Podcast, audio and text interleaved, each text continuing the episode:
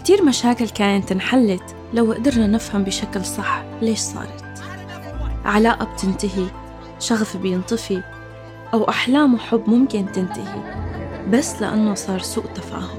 لهيك بمخمخة رح نفسر ما وراء تصرفاتنا وأفكارنا وسلوكياتنا لنقدر نفهم نفسنا وحياتنا والآخرين بشكل أفضل وبالتالي نعيش حياة أفضل.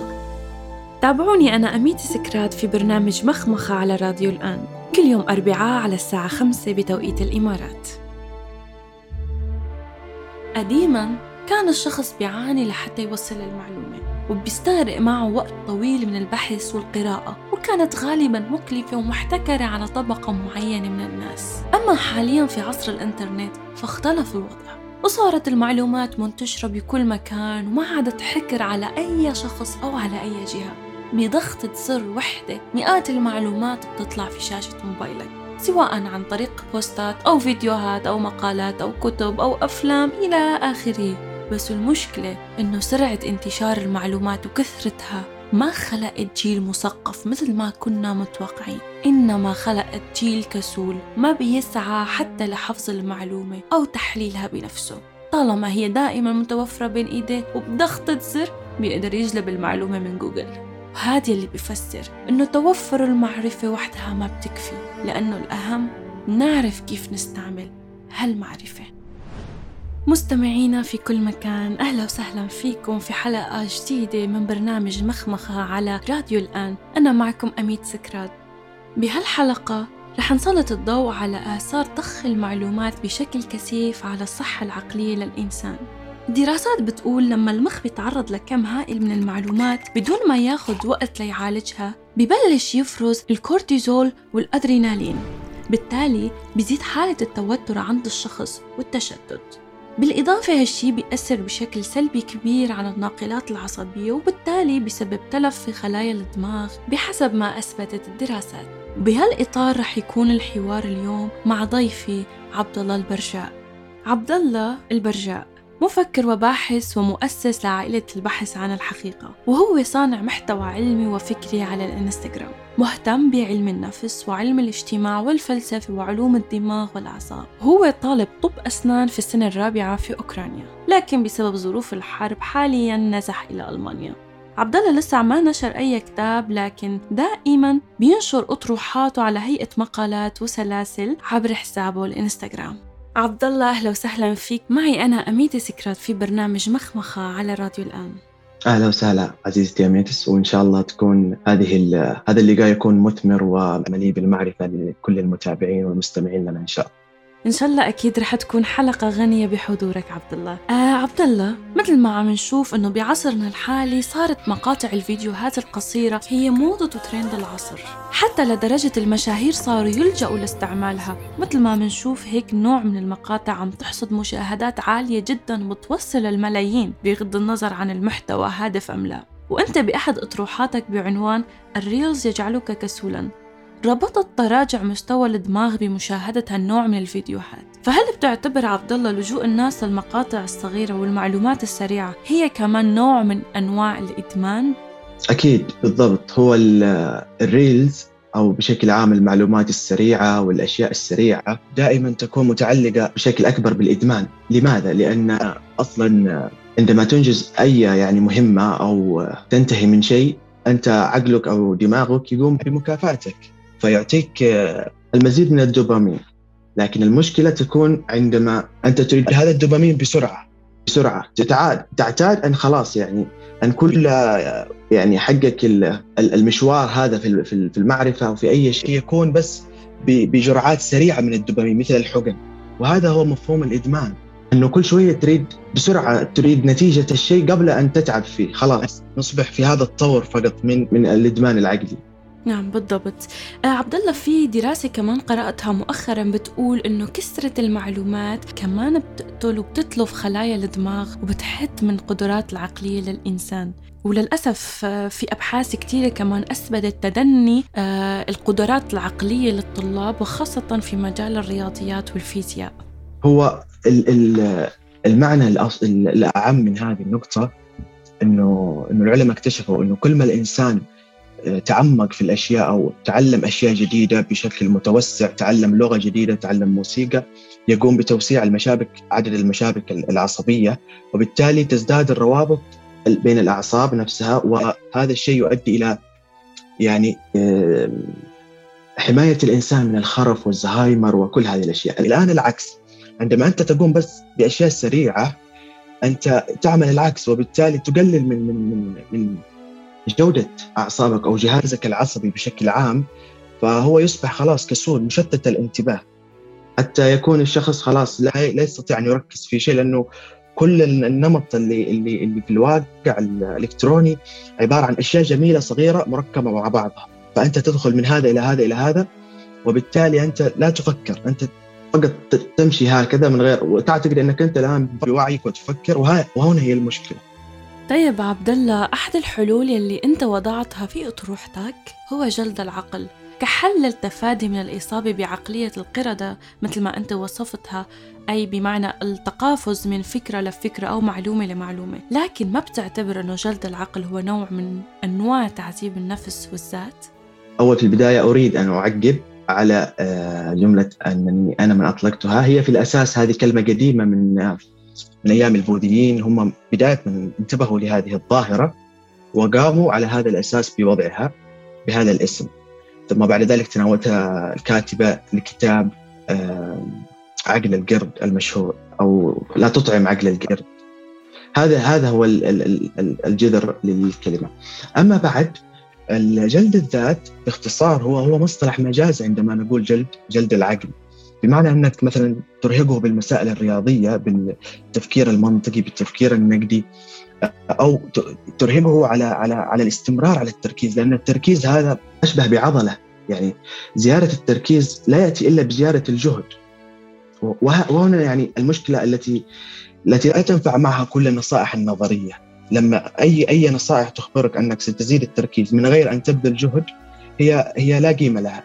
لأن الناس لا تريد أن ان تجتهد فقط تستحب الشيء النظري. ملاحظة ممكن تزيد تركيزي ملاحظة أو شيء معين لكن انه تقول لازم تتدرب هنا يكون في صعب لأن الدماغ أصلا هو متكاسل طب برأيك شو هن الحلول للتجنب والتفادي بإصابة بعقلية القردة عجبني المصطلح.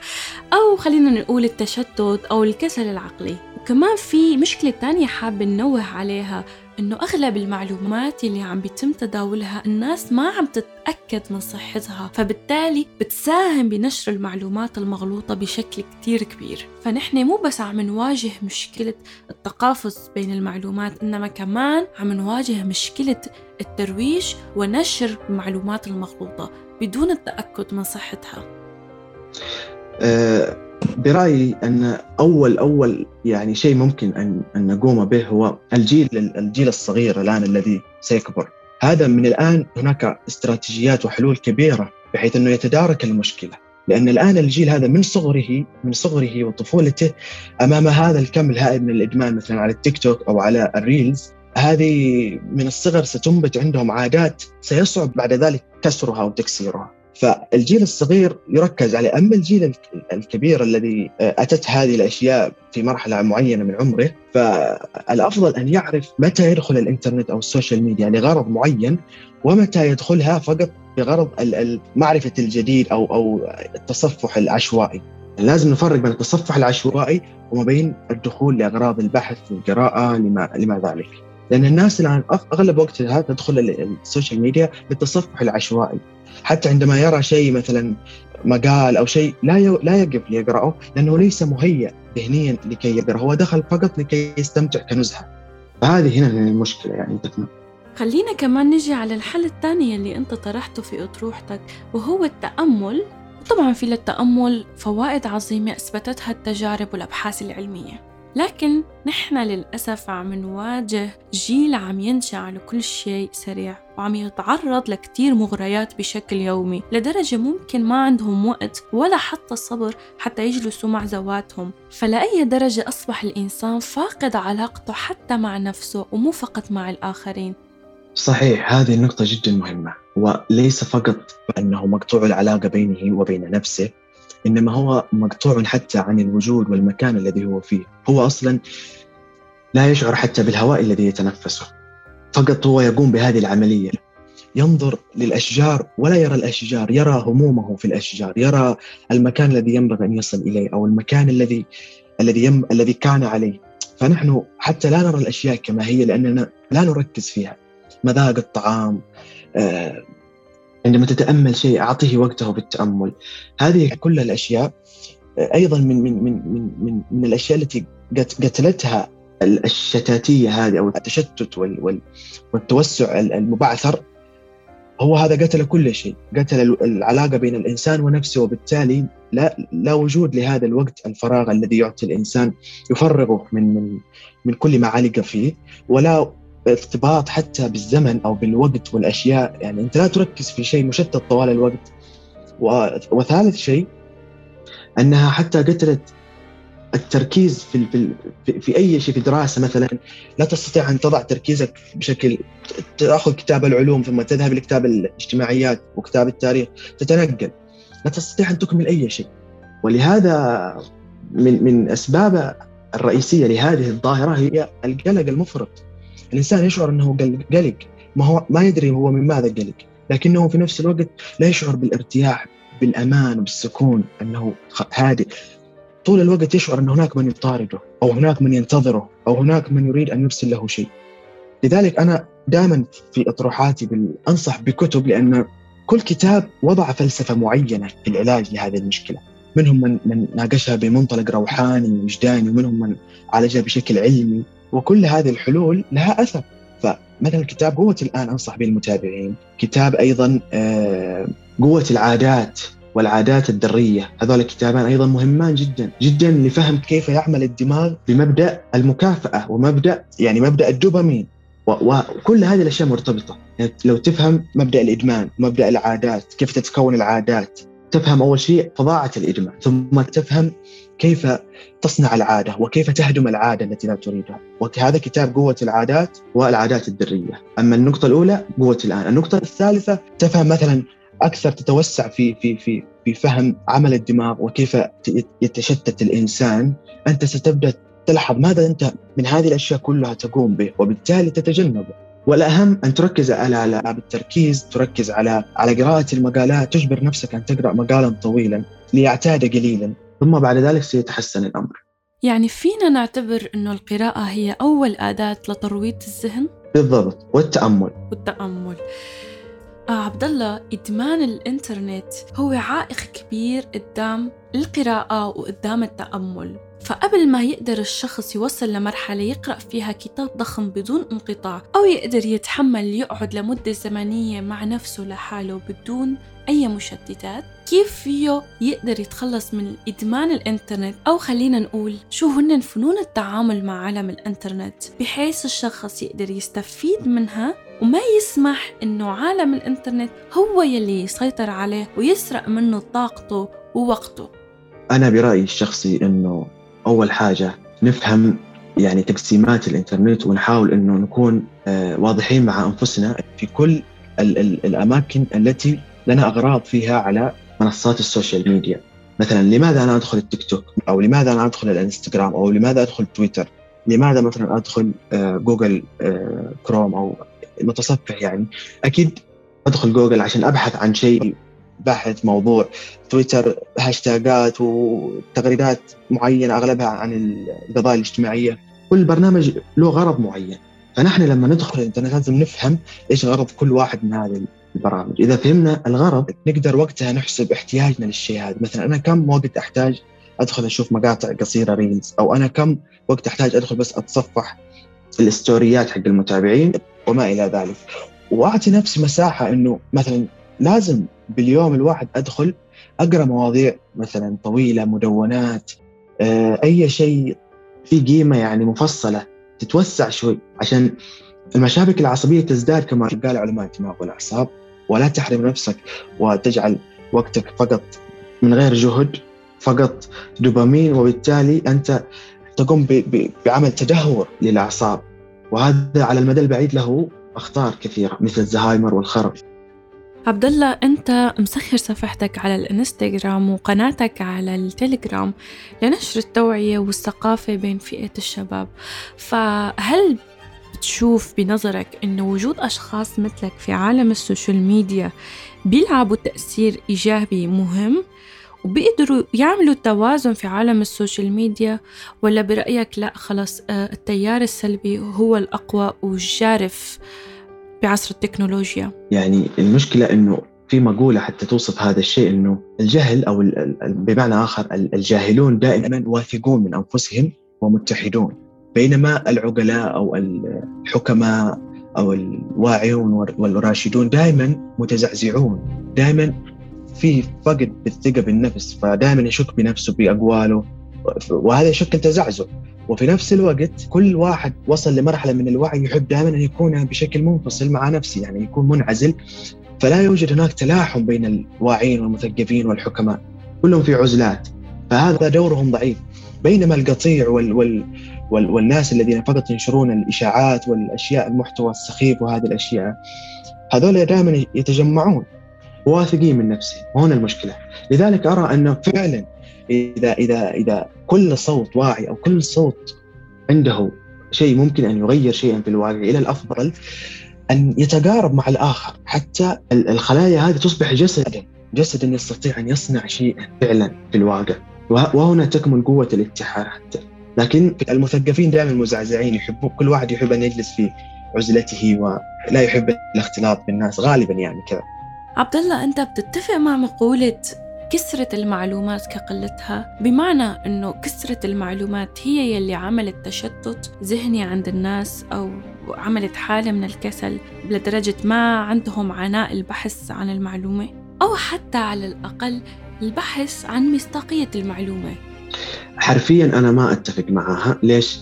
لأنه ممكن أتفق معها في حالة كانت بهذه الصياغة. قلة المعلومات أو كثرة المعلومات الغير مستخدمة. كقلتها لازم تكون المعلومة عندما المعلومة تكون غير مستخدمة فقط أخذتها ولا استفدت أي شيء منها ولا يعني أضافت لك أي شيء أنت فقط أخذتها بشكل عشوائي لأنك مشتت أصلا فليس قيمة بالعكس ستعود بالضرر عليك. لماذا؟ لأنها أولا ستدخلك في وهم المعرفة. يعني أنت تعتقد أنك تعرف شيء عن شيء وأنت أصلا لا تعرفه. وبالتالي إذا احتجت يوما أن تعرفه فسترفض أن تعرفه لأنك تعتقد أنك تعرف هنا المشكلة وهنا الخطر فأنا يعني آه، أشوف أنه لابد كل معلومة تتعلمها أن تطبقها أن تكون حية حاضرة. المعلومة هذه تضيف لها الروح ودعها تتحقق وليس فقط تكديس للمعلومات. وهناك في كتب يعني عدة تساعد على على تطوير هذه الموهبة موهبة التركيز وموهبة الوجود في اللحظة الحاضرة وموهبة هناك الكثير من من الاقتراحات والكتب المفيدة. عبد الله قبل ما أختم الحلقة معك رح ننتقل لفقرة سؤال من متابع في صبية عم تسأل إنه أنا بقرأ كتير مقالات وكتب لكن عندي مشكلة إني ما عم بقدر أحفظ المعلومة وعم بنساها بسرعة فشو الحل لمشكلة نسيان وعدم حفظ المعلومات؟ في البداية أول شيء إنه مسألة الحفظ هذه أو النسيان ربما تكون لها يعني آه، النسيان له أسباب كثيرة يعني. ممكن بعض الأسباب تكون مرضية متعلقة بأنماط معينة أو شيء وفي نسيان عام يكون بسبب عادات سيئة وعادات سلوكيات أو شيء. فبشكل عام إنه المساعد دائما في الحفظ إنك تعرف لماذا تريد أن تحفظ هذا الشيء. يعني أنت لماذا ماذا سيضيف لك تربطه بمعنى؟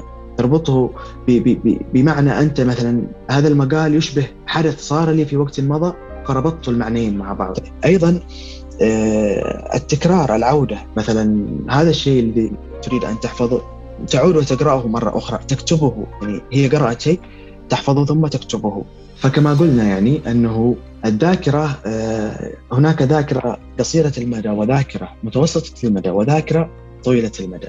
وهذا الشيء يعني شيء يعني عملي في الدماغ لأنه أصلا لا يمكن ان أن تحفظ كل شيء أنت تقرأه أو تشاهده أو تسمعه، لذلك وجدت هذه الذاكرة قصيرة المدى التي توضع فيها الصور الذهنية للواقع الذي فقط يمر بشكل سريع ولا تركز عليه. وبالتالي لابد أن تنقلها إلى الذاكرة متوسطة المدى هناك يعني وسائل وسبل لذلك مثلا تربطها بقصة في حياتك آه، تربطها بشيء أنت أصلا يعني تحفظه وتعرفه وهذا الشيء لا تعرفه فتربط ما تعرفه بما لا تعرف كل هذه الأشياء تساعد على على على زيادة الذاكرة يعني وزيادة تثبيتها. بالضبط. وبالإضافة أنه الثقافة هي حالة تراكمية ومو بالضروري دائما نسترجع المعلومة مثل ما هي موجودة بالكتاب أو آه، بالمقالة قرأناها. إنما رح نلاحظ نتائجها مع الأيام في سلوكياتنا في مدى وعينا وتصرفاتنا. فبرأيي فهم المعلومة هي أهم بكتير من حفظها. طبعا باستثناء إذا كنا رح نستشهد بشعر ببيت شعر مثلا أو بموقف تاريخي فهون حفظ المعلومة مهمة. إنما الفهم هو الأهم. عبد الله البرجاء كان ضيفي اليوم في برنامج مخمخة على راديو الآن. بدي أتشكرك كتير وعلى وقتك والمعلومات القيمة يلي أضفتها. وبدي أتشكر المستمعين على وقتهم. على أمل قدمنا لكم حلقة مفيدة وغنية بالمعلومات. دمتم بألف خير واستنوني بحلقة جديدة ومواضيع جديدة مع ضيوف مميزين. إن شاء الله يا رب. شكرا جزيلا لكم. كتير مشاكل كانت انحلت. لو قدرنا نفهم بشكل صح ليش صارت؟ علاقة بتنتهي شغف بينطفي أو أحلام وحب ممكن تنتهي بس لأنه صار سوء تفاهم. لهيك بمخمخة رح نفسر ما وراء تصرفاتنا وأفكارنا وسلوكياتنا لنقدر نفهم نفسنا وحياتنا والآخرين بشكل أفضل. وبالتالي نعيش حياة أفضل. تابعوني أنا أميتي سكرات في برنامج مخمخة على راديو الآن. كل يوم أربعاء على الساعة خمسة بتوقيت الإمارات.